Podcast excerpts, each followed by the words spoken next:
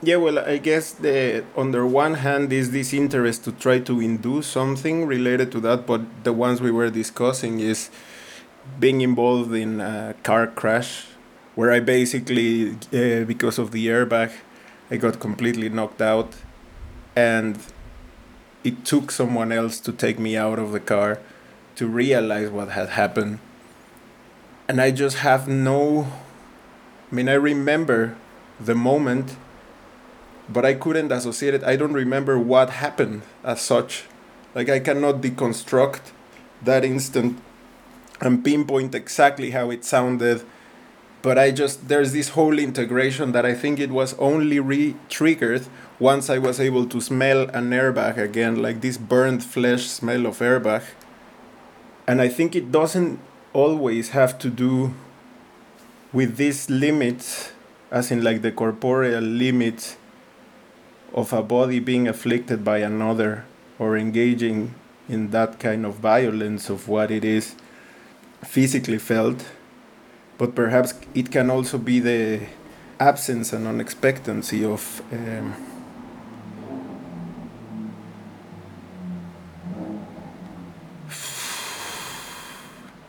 yeah well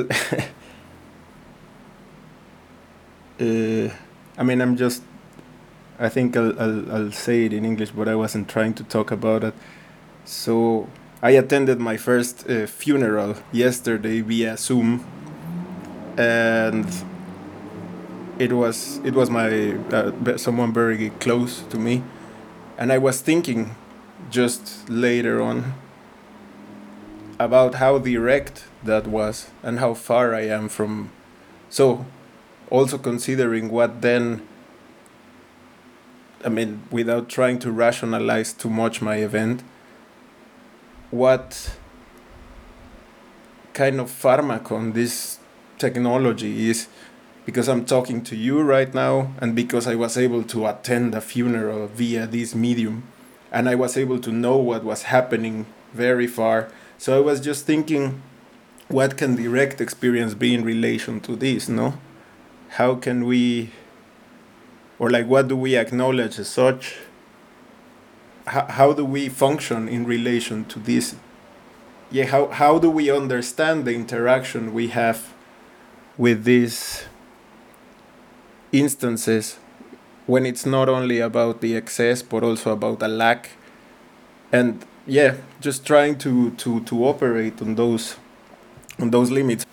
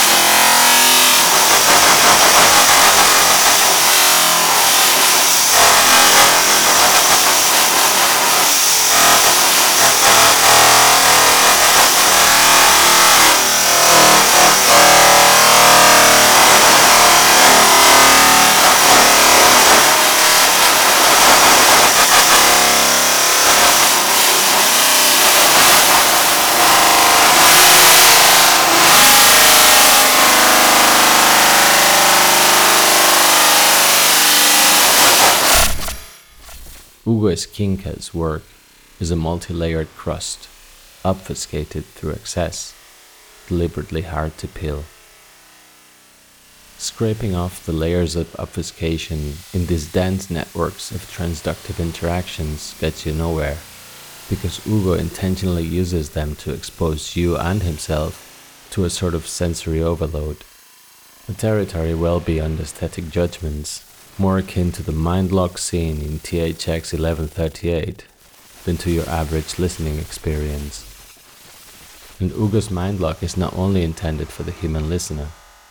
The chain of events and processes involved in his music also undergo a quasi seizure, pushing it to its very limits. In fact, a good portion of Hugo's work relies on and revolves around the exploration of those fuzzy boundaries, whether by testing the listener's ability to process sonic density and amplitude, or by applying pressure to the functional event horizon of whatever system he happens to be using, from computers to trusty cardioid microphones. Hugo's performances, site specific installations, and recorded pieces a constant celebration of this in between, dreamlike grey area and the collapse that comes with it. We talked to Hugo about his work and its links to his upbringing,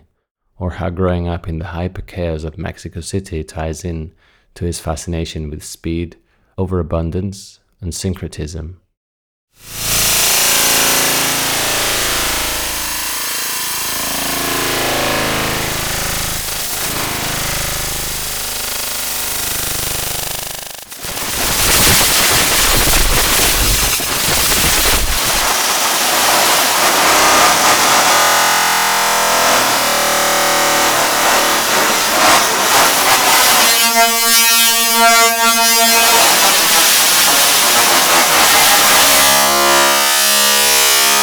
Me there's always an access point on going to a kind of extreme of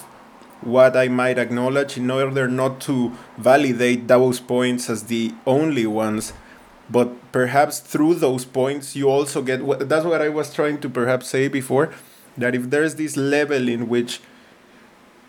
you operate and encounter something that perhaps lies way beyond what you acknowledge as good, bad, valid or not, inclusive, exclusive, then there, in a way, as if it would be kind of this loop function, what you acknowledge then as,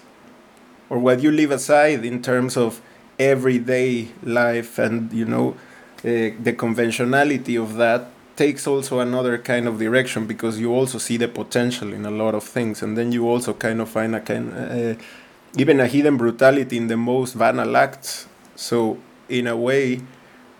it is also a gateway to try to engage with this i wouldn't call it otherness but to try to engage with this liminal area where you're not able to really fully comprehend what's going on. And that's also why i'm interested in this in sometimes things happening without me deciding when. It's not in order to delegate a function to, to either a computer or a synthesizer or whatever it is that it's being used, but rather to you know catalyze the potential of of of of this in between somehow accessing that in between area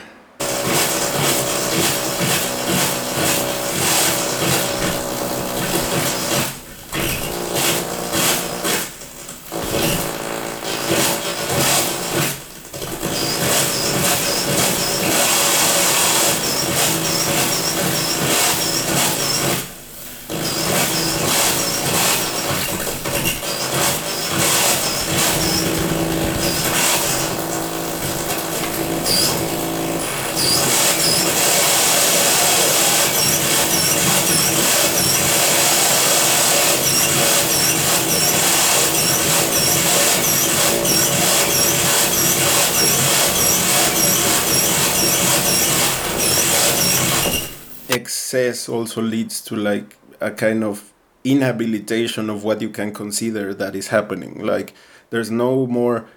oh this is about that or like the, the references become very short when you're only exposed to something that is excessive. And i think i discovered that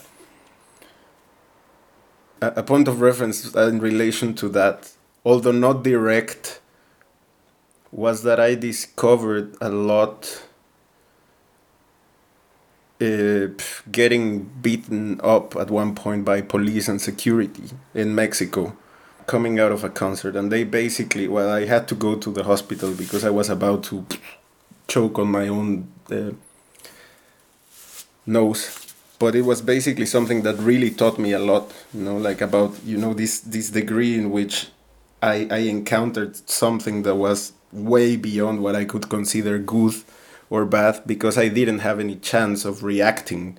It it was basically six security guards and so I think two policemen. And this became a reference afterwards to think about what you encounter or like it, it's it only becomes a reference again when I think about you know direct experience and when I think about noise and direct experience what I what becomes interesting for me is not to try to damage someone but to to reach that point in which I cannot anymore like poof, I cannot anymore decode if what is happening has a direct like even like that I cannot acknowledge which you know frequency range it is but it's just a lot of them at the same time and mostly that it gets so physical that there is a moment of incapacity like uh, an inhabilitation. And i guess that's interesting because afterwards it has led me to think and it's mostly it's not to say that it's about my own practice towards me but certainly if i want to be loud it's not to make a statement towards someone else but it's just always about that i want to be exposed to that myself so it's it's always about thinking about those limits in relation to what's happening at wherever an action is taking place.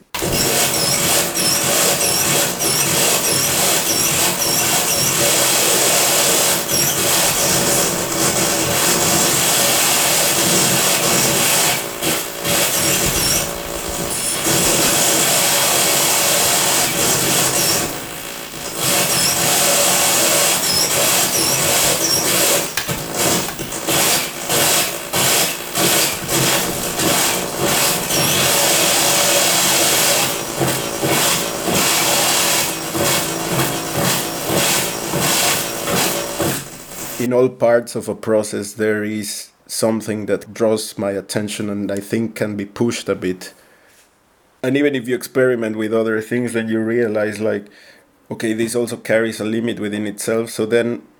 I mean, I was doing this thing which was a complete failure because no one replied to the call. But I was just then thinking, okay, but what I'm in, really interested in doing is doing these things in, let's say, now my interest was a bit the limit of the context. No, was like I want to do this thing in shopping centers, so I sent like this really formal, you know, email to like different shopping malls in Berlin where I was really asking them because I see they have a sound system there. I mean, I go to the one around here, my place, and they have like a Noctophonic L Acoustics PA, and I'm like, I want to use that, you know, like I really want to do something here while people are buying and just to so of course no one was gonna reply to that.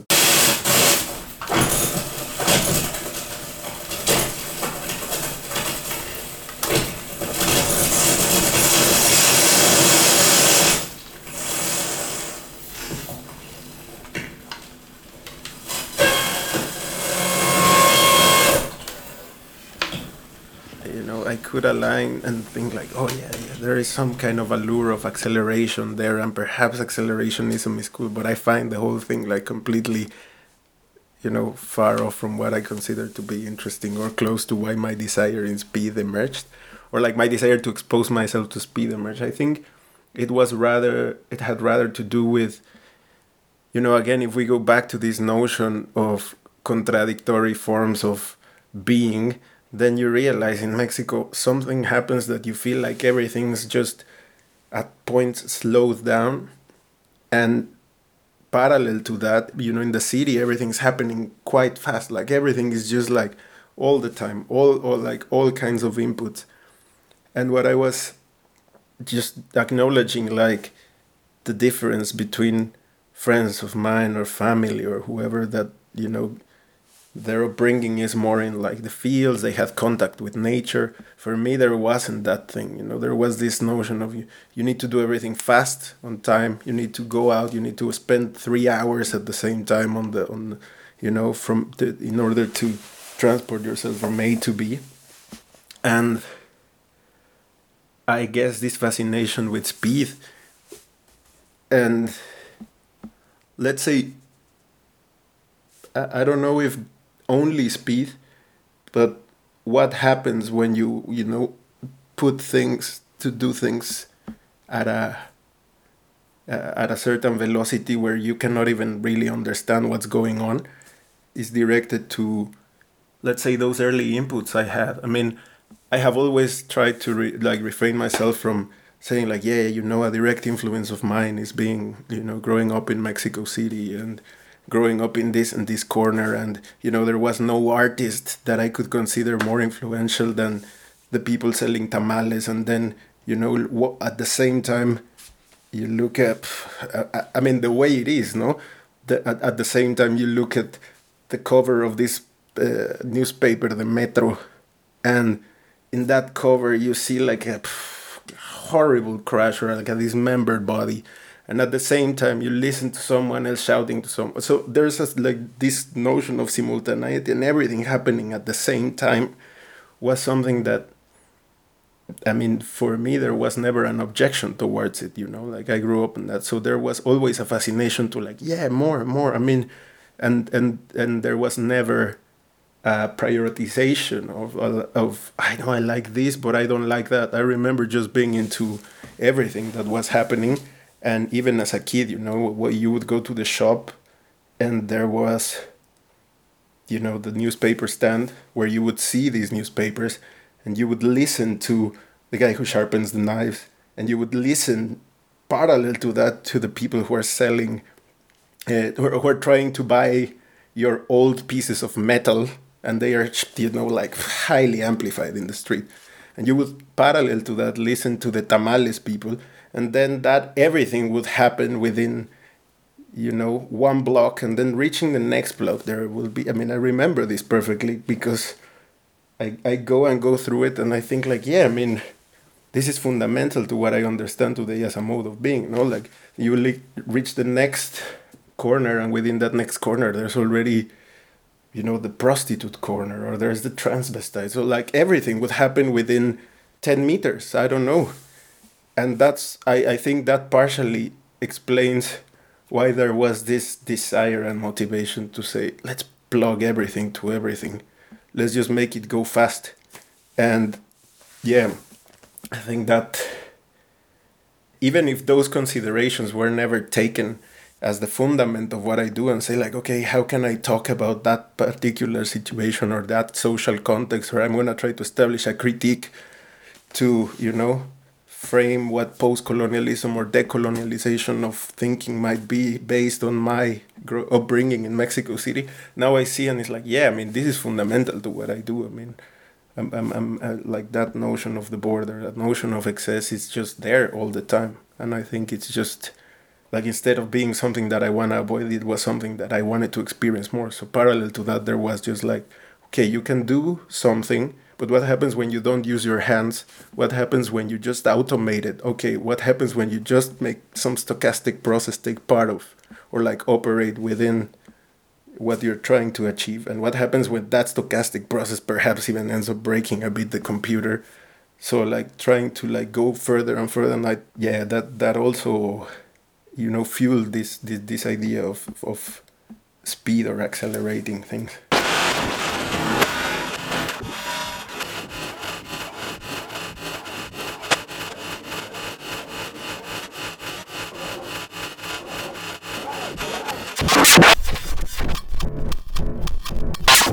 the references are always like things that I really think have a you know have a clear impact on me is always like going to supermarket looking at the people doing something there looking at the cashier and then realizing you know or hanging out at Görlitzer Park and then going and seeing what the dealers are up to or like realizing how the people who are selling the mugs are having a really difficult time. And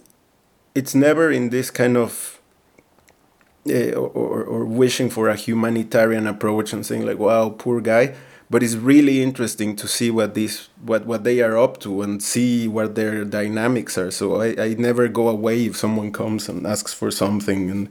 i'm more interested in knowing their stories and whatever they are going through. And that becomes like really really clear reference. And it is mostly those things that i see are you know always yeah, way more triggering for me than perhaps only a good book or only a good record or only something that I like to listen to a lot. And perhaps that as well has to do with Mexico, that the reference was always, or like the initial references were either, you know, the tamales or the buying old metal or the man who's sharpening the knives. I think these things for me are always way more interesting. So, for example, they were also building, well, remodeling the flat that is just above mine. And the noise was absolutely intense from 7 a.m. till like 2 p.m. every day. And there was dust coming in, and that's the reason why they couldn't kick me out because I bear, I was able to like bear with it. But for me it was great. I was all the time recording them. So I was recording them then and I was throwing the microphone from the balcony up without them because I knew they had locked I mean they locked the window so I was throwing the microphone up and I was just basically recording them all the time or process or streaming them or whatever. And so these references for me are always I mean this is the thing I'm into the most. And I'm no field recorder so I don't want to go and capture it all the time. But but I really like to listen to these unbearable things that happen. Everything aside the the Polizei in Berlin, which is incredibly loud, I, I can take.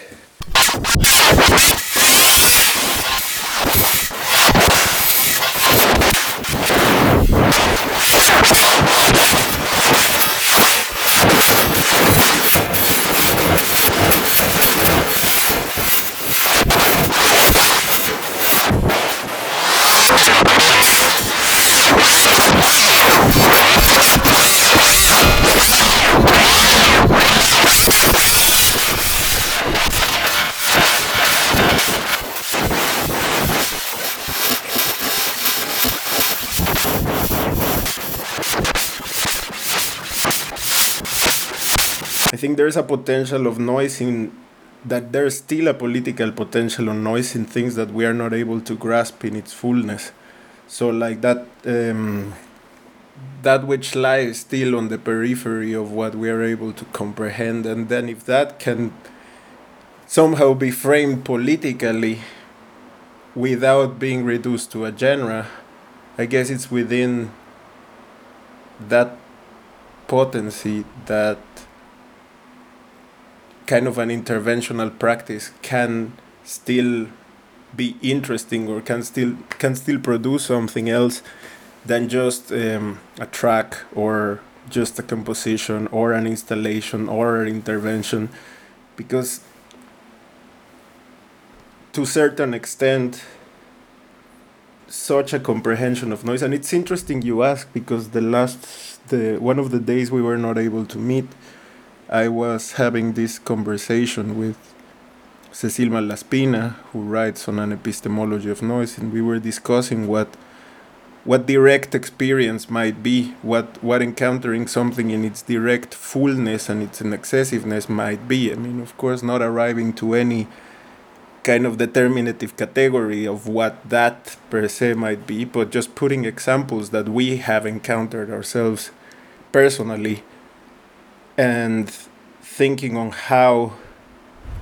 once there is no immediate kind of a priori function or kind of direct um, yeah kind of a direct uh, link between what one is experiencing and what one can attribute to that experience then there is this kind of overabundance of something and that overabundance of something let's call it without trying to go too philosophical and be uh, engaging in anomos or phenomena or whatever. It's just what that direct experience, that gray area, might bring forth is is is perhaps just loaded with a potential to think at least differently about things to that this overabundance either by means of destruction or by means of intervention or by means of detonation or, or, or excess carries within it the capacity to kind of suspend something that we consider good or bad or music or non-music. So in that threshold of direct excess or in that in that threshold of what we are able to grasp cognitively perceptually lies a lot of the potential to even uh, access what we validate as real, what we validate as good, bad, and perhaps even what we validate as inclusive, exclusive. So I guess within that kind of like gray momentum of suspension that goes hand by hand with yeah with a detonation or kind of or, or with a moment of destruction or intervention that is what i would consider that carries a perhaps a, a political a political potential without trying to say that what i would do wants to advocate for being political in that sense or wants to or, or trying to politicize my own practice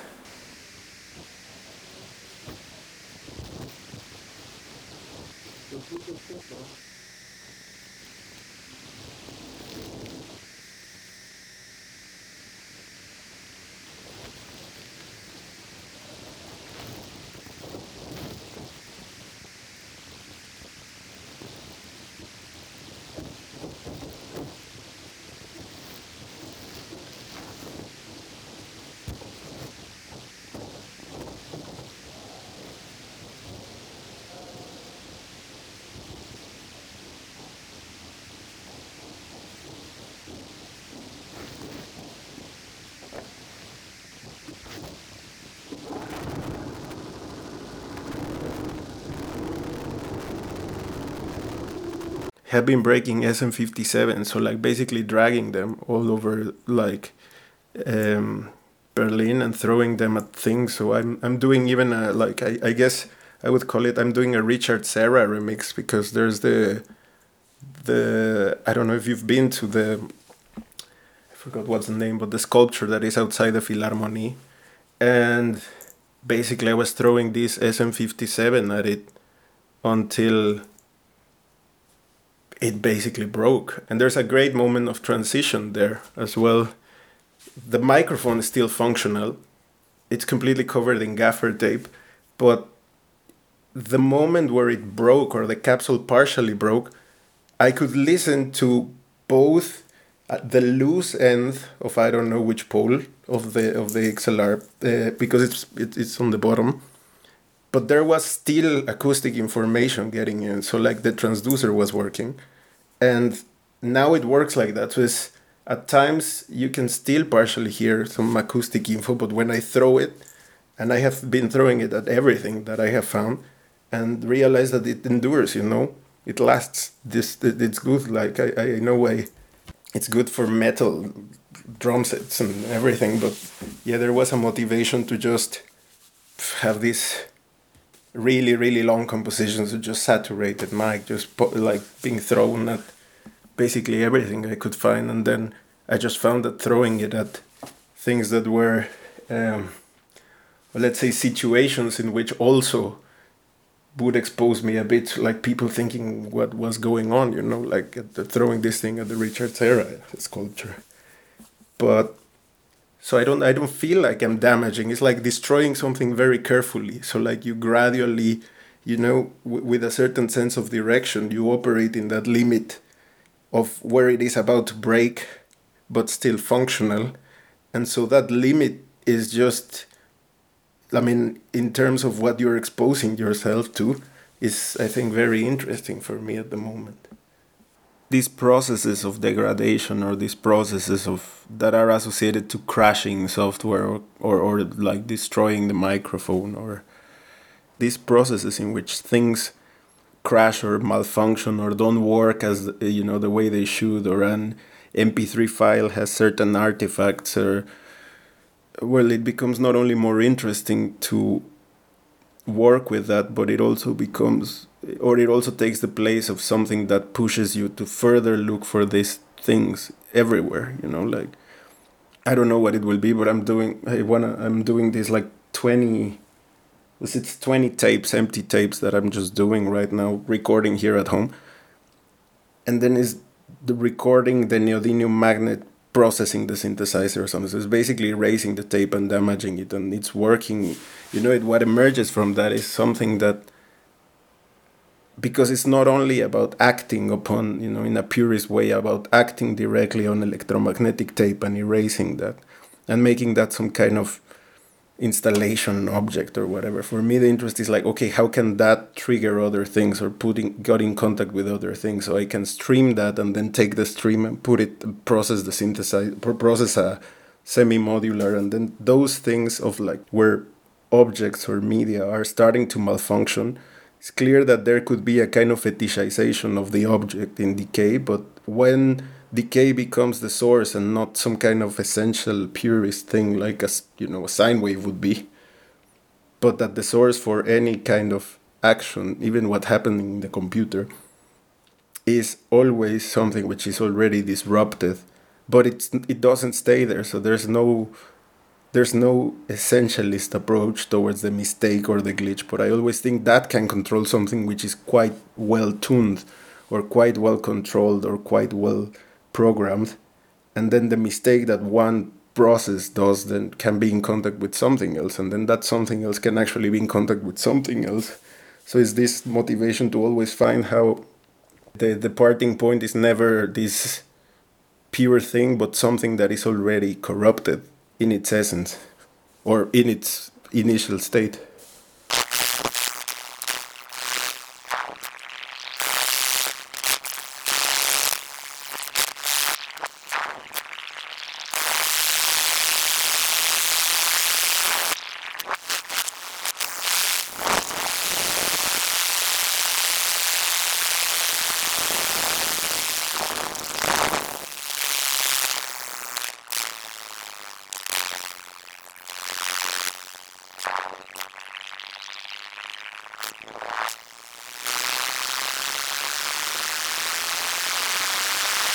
probably when I was 12 years old. So my uncle used to do production in for a radio station in Mexico, and he used to take me to the studio probably early, 10 I think, and he used to sleep in the studio in this studio, and he was showing me Pro Tools or whatever, and even Fruity Loops, and then I was just really hooked on to seeing like he could take something out of I mean, at that time, perhaps he was hooked on the LTJ Bukem or something like that. He was hooked on like chopping bits of that and showing me like you can put this into this shit and you can do something out of it, whatever. Like, but the the the action was like he would take the CD, put it in the either either in the computer or on the CD reader, and there was nothing about a thorough understanding of what doing music with a computer was. It was just like the object in itself allowed you to plug things and to work with different things that were lying around. And that translated to afterwards understanding that, you know, these things can also happen very fast, can happen faster than you can listen to. And I think that was the initial motivation for learning to program or whatever. But you know, it was autodidact, but it was just thinking. Like there can be many sources. There can be an excess of things, and it can happen excessively fast. I don't know how, but the the processing speed of this thing allows it. So, I think in a way that translates to, you know, the microphone right now. I, I just discovered that you know it's still functional and you can make you can push it to a certain limit and you can work in that threshold and you can keep on going and pushing it and pushing it. It is interesting to to, to listen to. And it's the, the, the most let's say the thing that catalyzed the listening even more was just that moment like that i, I guess it's it's a it's a longer recording because it's like down the staircase here. And i was just pulling it through the staircase running like really fast. So you can listen like whole like this whole reverberant hall and suddenly there is this abrupt cut and it's abrupt or partial so there's no editing there and then you can it's as if the room became smaller but it's just the, the capsule getting a bit fucked. And that that I, I guess those things are at the moment you know um, yeah those limits are are are starting to be more and more present in many different ways i guess. Also in terms of you know my daily exchange with people is not the smoothest and the degree of irritation or solidarity or affect that I might have is also operating within that limit. So that I mean it's it's I guess it translates also to that at some point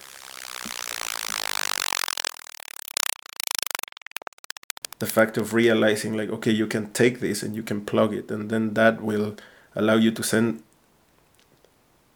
i guess parallel to just discovering what you know what the DAC was or like the digital audio converter was. It was parallel to that uh, the notion that i could send something just to one earplug because i was using the the headphones or the earplugs. And that changed a lot my perspective of what you could do with a computer. So of course it was this idea that you can plug things together, you can put things together, and you can execute these things at a high speed. Then parallel to the idea of the high speed or like that, the, the high processing speed was just the fact that I could listen to something on one earplug and I remember that completely blew my shit. It was just like you can really do that. I mean, it's just it, it, so that means that when I have a speaker, it will only go to that speaker. It was not something about multi-channel. It was just something about things coming from one direction, and I think that led just to, you know, try and very, like at the beginning, also try and work with like let's say different ones you know like different sources and try to figure out how, what you would need like which kind of hardware you would need to do that. So how how how do you route things differently? And I think all of these things started happening uh, pretty much on their own, but just like getting around people that were doing it, and yeah, it was just um, let's say a continuous a continuous drive to get exposed to like how can I use this more? How can I you know what, what else can you do? And it was not at the stage of realizing what digital synthesis was or like what fm was or what granular synthesis was. I think all those things came way later. So my understanding of those principles as well was just like okay but you can just as well do something else with that. Like it was never to to understand what you know the formal procedure of them was it was just like ah, okay you can modulate that that way but what happens when you put it faster? What happens when you put it not there but in 20 like you duplicate it until like the computer cannot do it anymore? So i guess uh, yeah i guess that that also explains why you know I, I mean i don't have a new laptop. My laptop is 2008 no? So like i still like to work with that one and there are many things that I have tried to do with other ones, newer, uh, more updated versions, and they're, I mean, I just don't feel comfortable.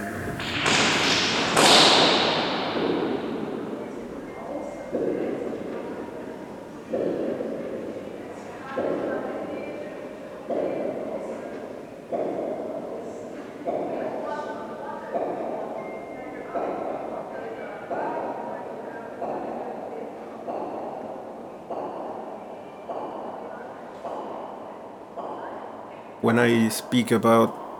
surprising myself, it's there's like differences of like I I don't know if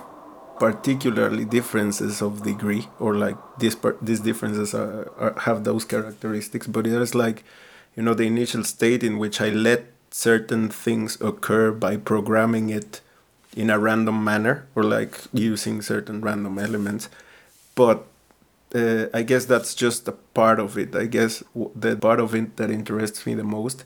is just what happens at, at the level of encountering those compressions or decompressions of air, like what happens at the level where they are amplified. So, most of the times when I'm working in the studio or working in headphones, then what I try to do is to also listen to how that speaker sounds and then try to do something with the programming environment that I might be using, which could be SuperCollider or Pure Data or Max, depending on what I'm doing and depending on if my laptop allows that to happen as well. But what I like to do is just to listen to how, let's say, the speaker also reaches a certain limit at cert- at points and then how you can within a series of uh, generative processes meaning modulations that happen within a range and that variate within that range in a manner that I haven't ordered or uh, previously ordered. And you know allowing those things to happen it's not that much at the level or not uniquely at the level of programming but i try to see what's happening also in the space. So if amplifying certain frequencies also by means of their emergence allow the resonant frequencies of the room to be excessively felt then i try to push as far as possible to use that and to include them in whatever might happen or not within the execution of, of a piece or composition or organization of sound. So when I do it uh, in an installation, it happens in a certain way. Although there's a there's a really funny anecdote on in in relation to that, because this friend of mine invited me to do well an installation with for subwoofers in, in the National Center four Contemporary Art in Moscow, and he got some proper so four proper subs, and then so the idea was that it would start randomly at random points throughout the night, and I think it would start like at 6 p.m. and it would only run for three days because he agreed that I could be as loud as possible within this resub. So I was really trying to push it as much as I could. And there was a variation of the resonant frequency or like the stationary wave of that room and then every sub was slightly going up or down and amplifying a little bit the frequency and then the you know creating some beating and then on the floor below was a retrospective on russian cosmism and there was a building made of salt like uh, yeah, I don't remember. It was replicating one building and it was made of salt. And within the first day, so just letting the thing run the first day, then the next day we got called that the the, th- the thing collapsed. The, the, the, the, the piece from someone below collapsed completely. So it was gone and somebody needed to take care of the insurance. And there was this whole thing of like, okay, but this is great. I mean, and, and the thing is, my friend Stas, who's great, uh, he he took the responsibility and he was like, yeah, but that's. I mean, I, I told that you could blah, and I was just thinking that that was that was great. Like that was great to get exposed to this. Like it really got a little bit out of hand, and it was a nice surprise.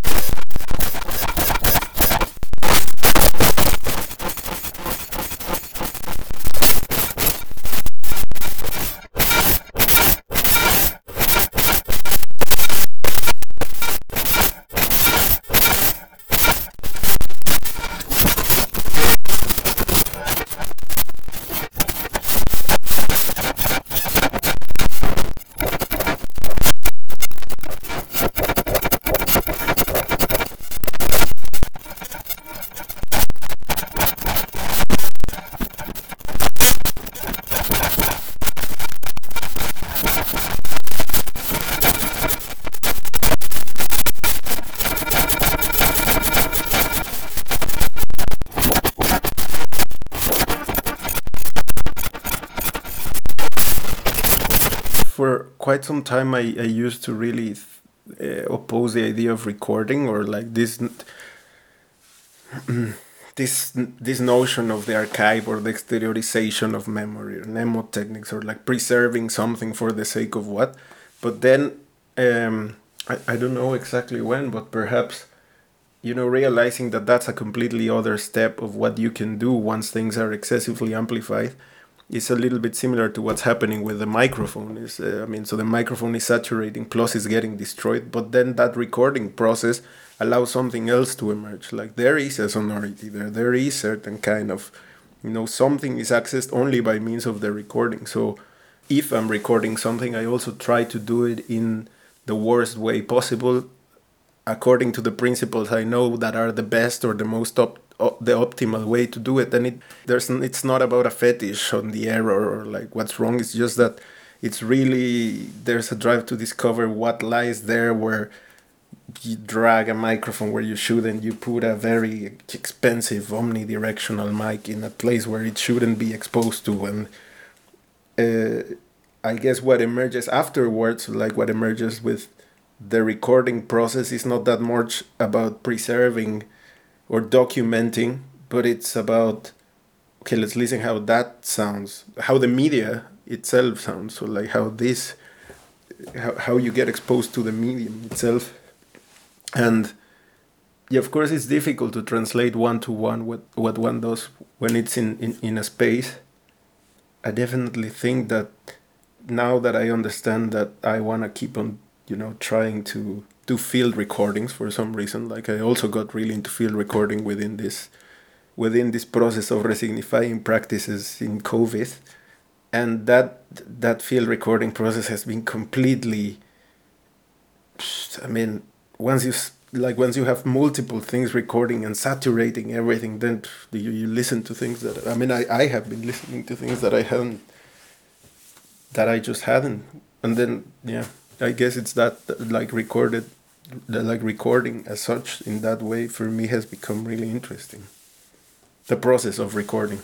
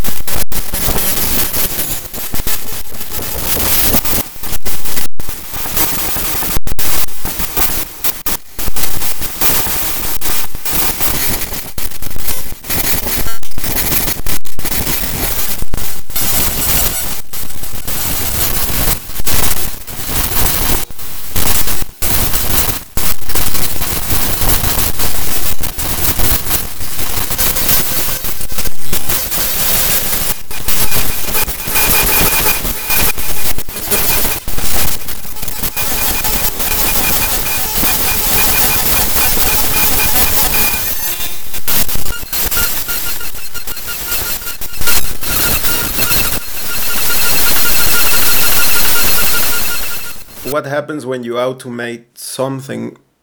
in order for it to become irrelevant or it's not prioritized as to achieve a finality eh, or like it is about the function in itself like the function of automating that becomes interesting. It is not what you can achieve through this process which i think it's also you know of course there's all sorts of things that come along with automation from you know alienation but parallel to that then there is like okay what happens when there's no alienation but rather what you produce is actually like liberation or free time whatever that might mean in a leftist accelerationist perspective no? But my interest if there is any in in, in within automation is like automation in itself like the function of automation and not that much what can it be achieved. So like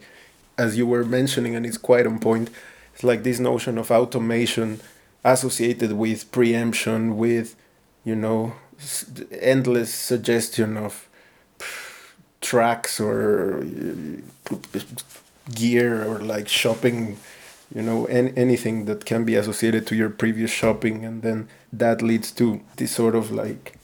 ubiquitous automation of every single step we do, then it's being tracked, and then that produces more of what's already being tracked.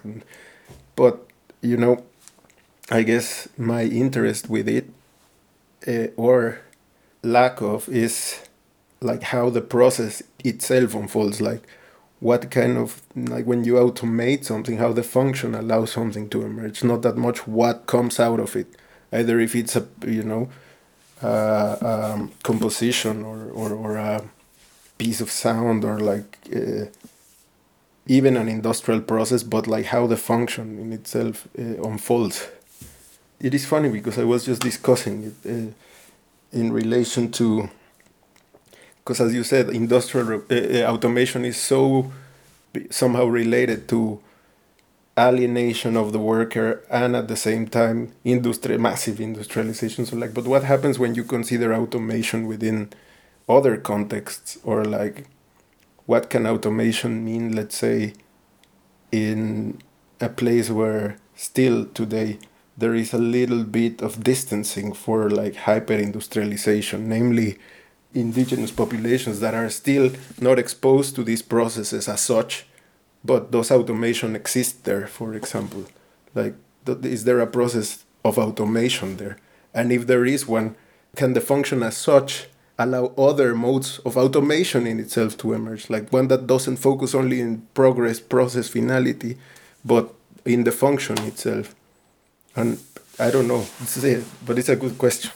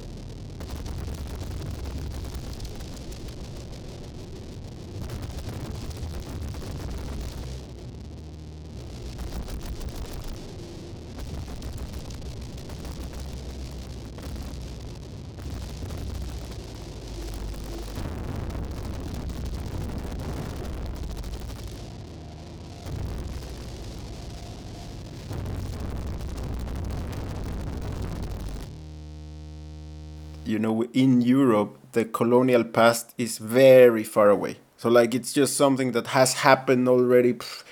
But in the colonies, it's something that is lived every day. It's everyday present. So, like, it's part not only of the uh, imaginarium in elementary school. I mean, I'm 29 now, but when I went to elementary school, you are taught about the discovery of America. And there is this uh, half Argentinian, half me- naturalized Mexican scholar, Enrique Dussel, who's really interesting. Like he's he's 80 now or something like that. He starts from saying like we need to teach the kids that America was not discovered. Like we need to teach them that there was America was colonized. But you always know about Hernán Cortés, Cristóbal Colón, 1492. You know, America was then discovered, and I guess what I mean with like these things or, or like how that history is present in every day is not only because of the race that was uh, of the race that emerged through this process of colonization, either mestizos or criollos, but that even the schools people go to what is a public system, what is a private system? Well, the private system normally tends to be that you know the german school or the spanish school or the spanish club and then you need to pay for that. And if you're accepted into that realm or like that world of people then well you you are basically even though you might not be middle class and you are so this like this whole class thing is completely embedded in the everyday life.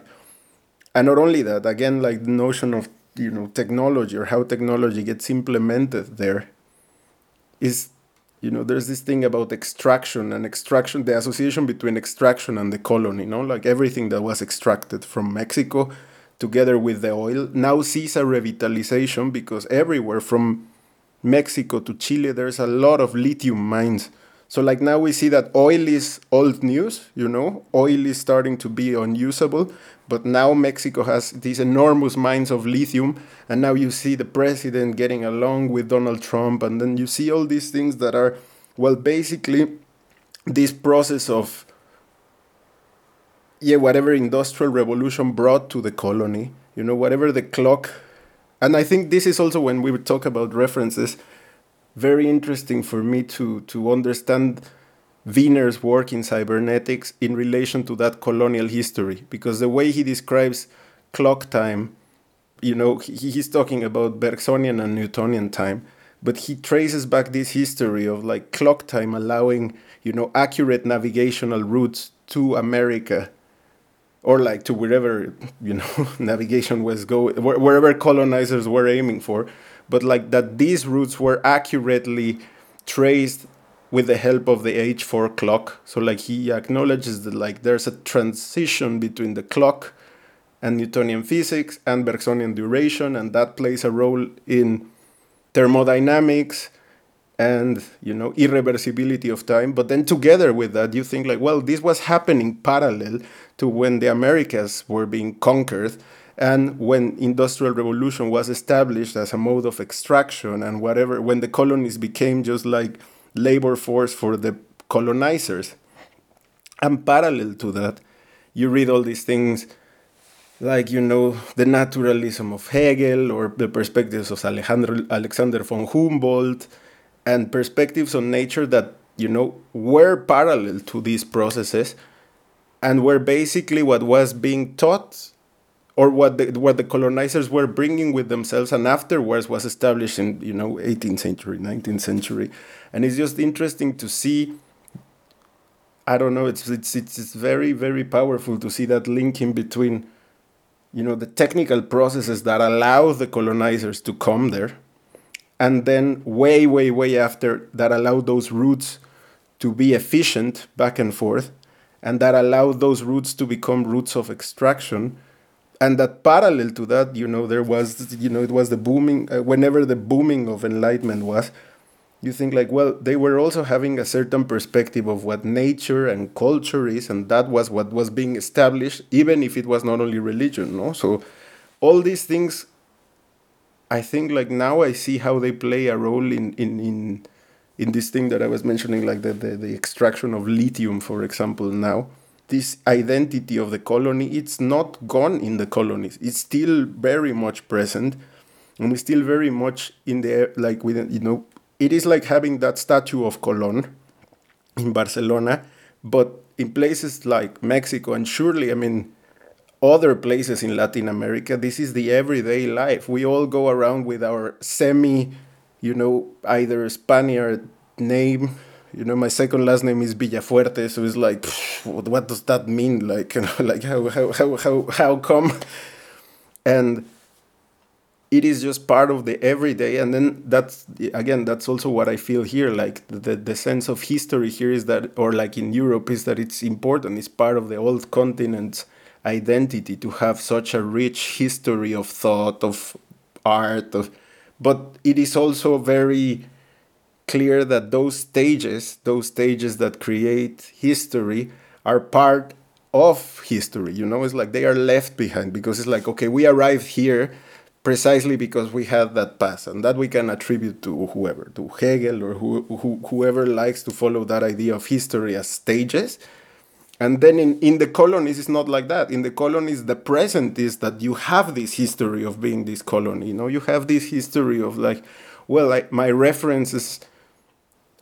you know, my references today as to which composer, which, uh, you know, which books. Then I you see that oh, well, it's mostly people from Europe, like, or like which schools or modes of thinking. I mean, not now because we have discussed other ones, but but as I arrived here, I was just like, well, yeah, I mean, we all share the same references, and I come from somewhere else. So like that also becomes a little bit that becomes quite challenging. So I was also asking. That's why I wanted to ask you, like, how is colony, how is colonial past taught in places like Spain? Because in places like Mexico, it's taught in the same way. Like pff, that happened so long ago, we we shouldn't care about that and nevertheless you live with it day by day and you see it also in terms of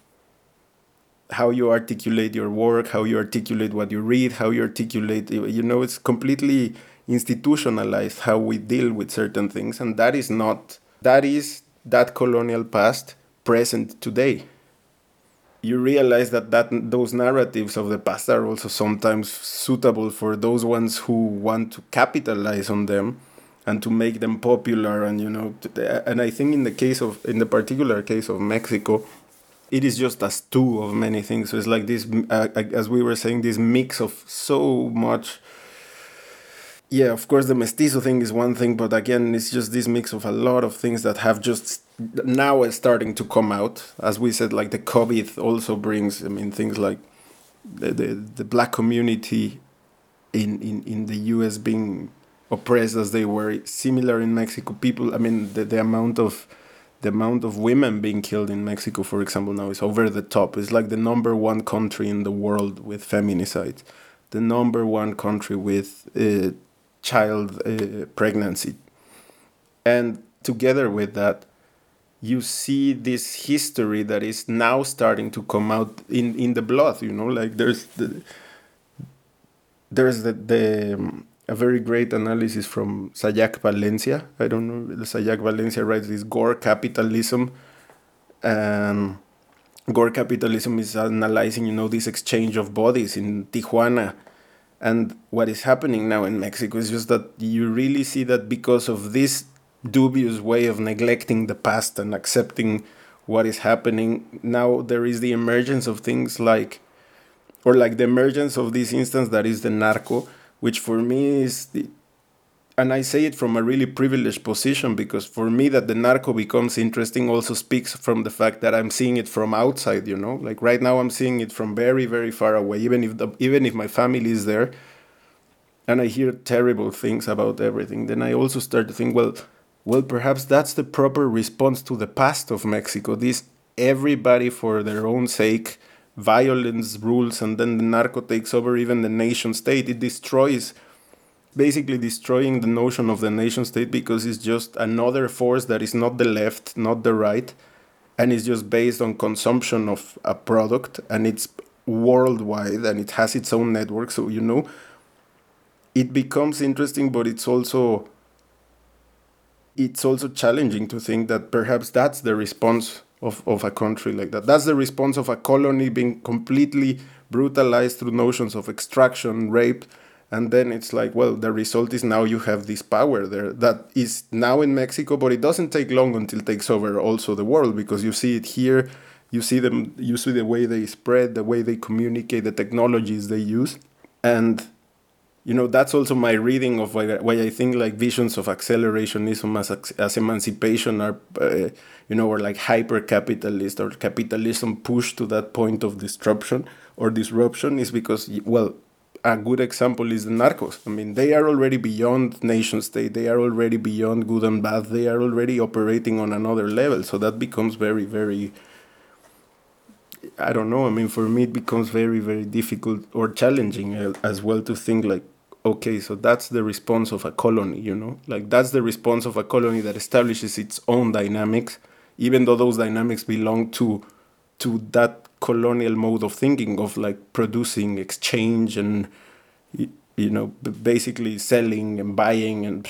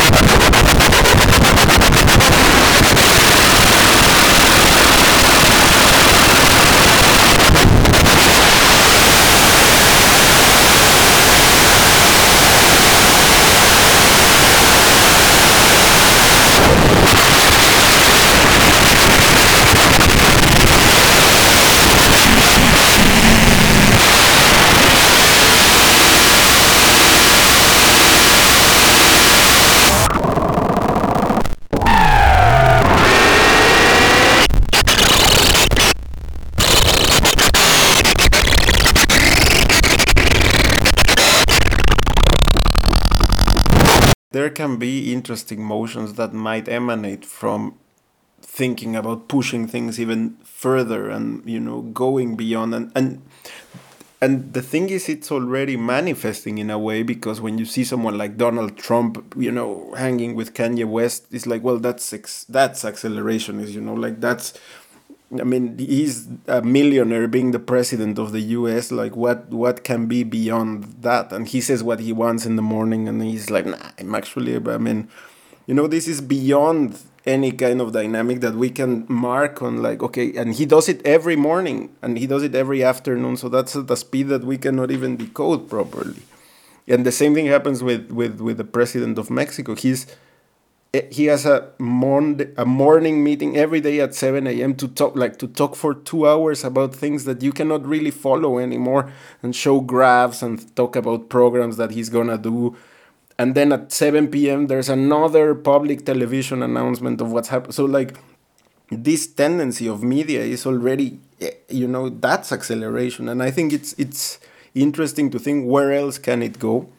But just because you were mentioning Telefonica, and just because I also have been talking a bit about violence, it also took me a bit to to to understand to which degrees of cynicism one is exposed to when living here when you know I talk to certain people and they're like, "Oh, but you're from Mexico. That's a brutal place, and people are violent and you know savages, and you know it's like extremely violent." And it only took a little bit of time to find out, you know, that you know most of the weapons that this that, that, that the narcos are using, these automatic rifles, well, they are built in Germany. So like you know, someone capitalizes on that. So a company like Heckler and Koch when you think about steel as in like the material as in like the metal steel germany this you know f- proper robust object and you think about their weaponry and 85 or 90% of the crimes committed by the narcos were done by german weapons then that's the part where well perhaps someone's capitalizing also on that economy of bodies that is being dropped there and not here same thing as what happens with Syria and you know whatever Swedish weapons or Russian weapons, and then those bodies. I mean that economy of bodies is happening elsewhere, and it's not happening here yet. But it's it's it's just weird to encounter it when someone else is criticizing, you know, the level of insecurity and the level of violence that is experienced in Mexico or in places like Mexico, which might be many. And then you realize that there is only so many sources where these weapons can come from.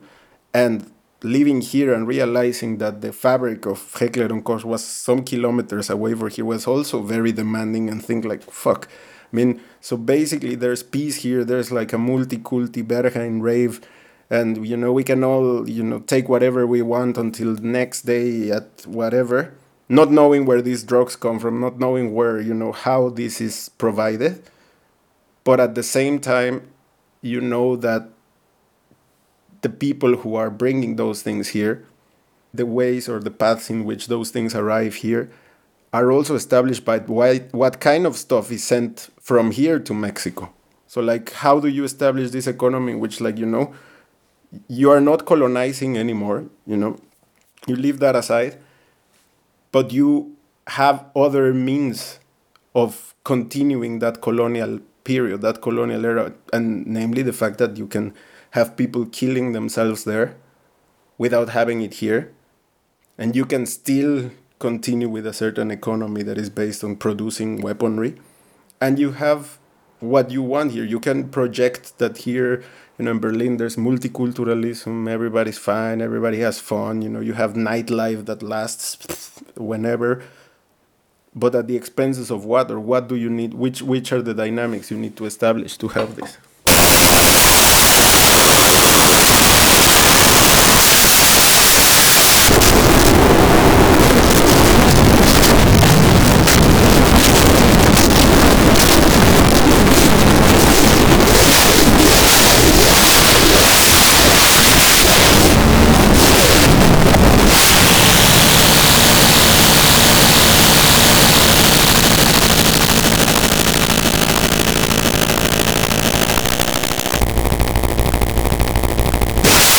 what does it mean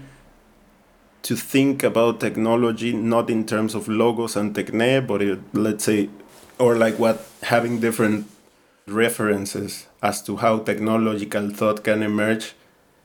and to first acknowledge that the modes in which technology is produced today serve like you know western thinking or like like are completely concretized through western thinking. And what that means is or like my my understanding of it was that it was not sufficient to think okay what kind of techniques from indigenous population are still alive today? So like for example knitting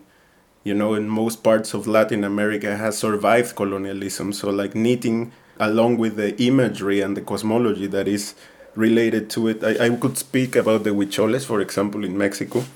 in which you know I mean the huichol and the peyote as a medicine, these techniques are have have survived colonial era. But I think it's not,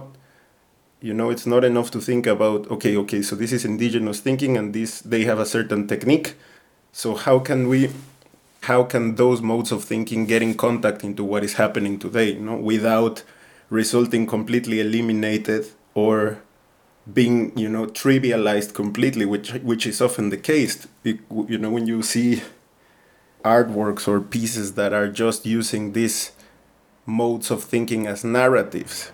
and then that they use it as their motive but rather to understand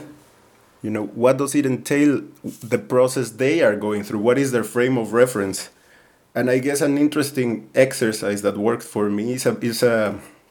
it's a way more reduced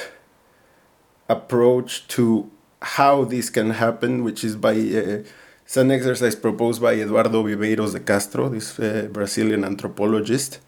and he's um, in the relative native. He's proposing how do you take indigenous concepts as your own, meaning not only what they do, what they produce at the end, you know, what you experience physically once the knitting is done, but he he proposes like to to take the challenge and to you know consider their concepts as your own. And and he he puts it in this way where he says it's not about imagining a kind of experience but experiencing a kind of imagination. Once you take other concepts or, or other notions of what technique is as your own, then what you can do with it, I guess, you know, the frame of reference is completely different. So you can use something and realize, you know, the means that in which you produce something is complete can be completely different. And well, if you have another frame of reference, then it's not only something that terminates in progress and extraction and you know everything that got completely uh, for like this totalizing force that got completely standardized with the industrial revolution in the colonies that everything became about extraction. But you know you can potentially have other modes of thinking with contemporary technology that are not based only on progress and you know hyperconnectivity but but that operate with it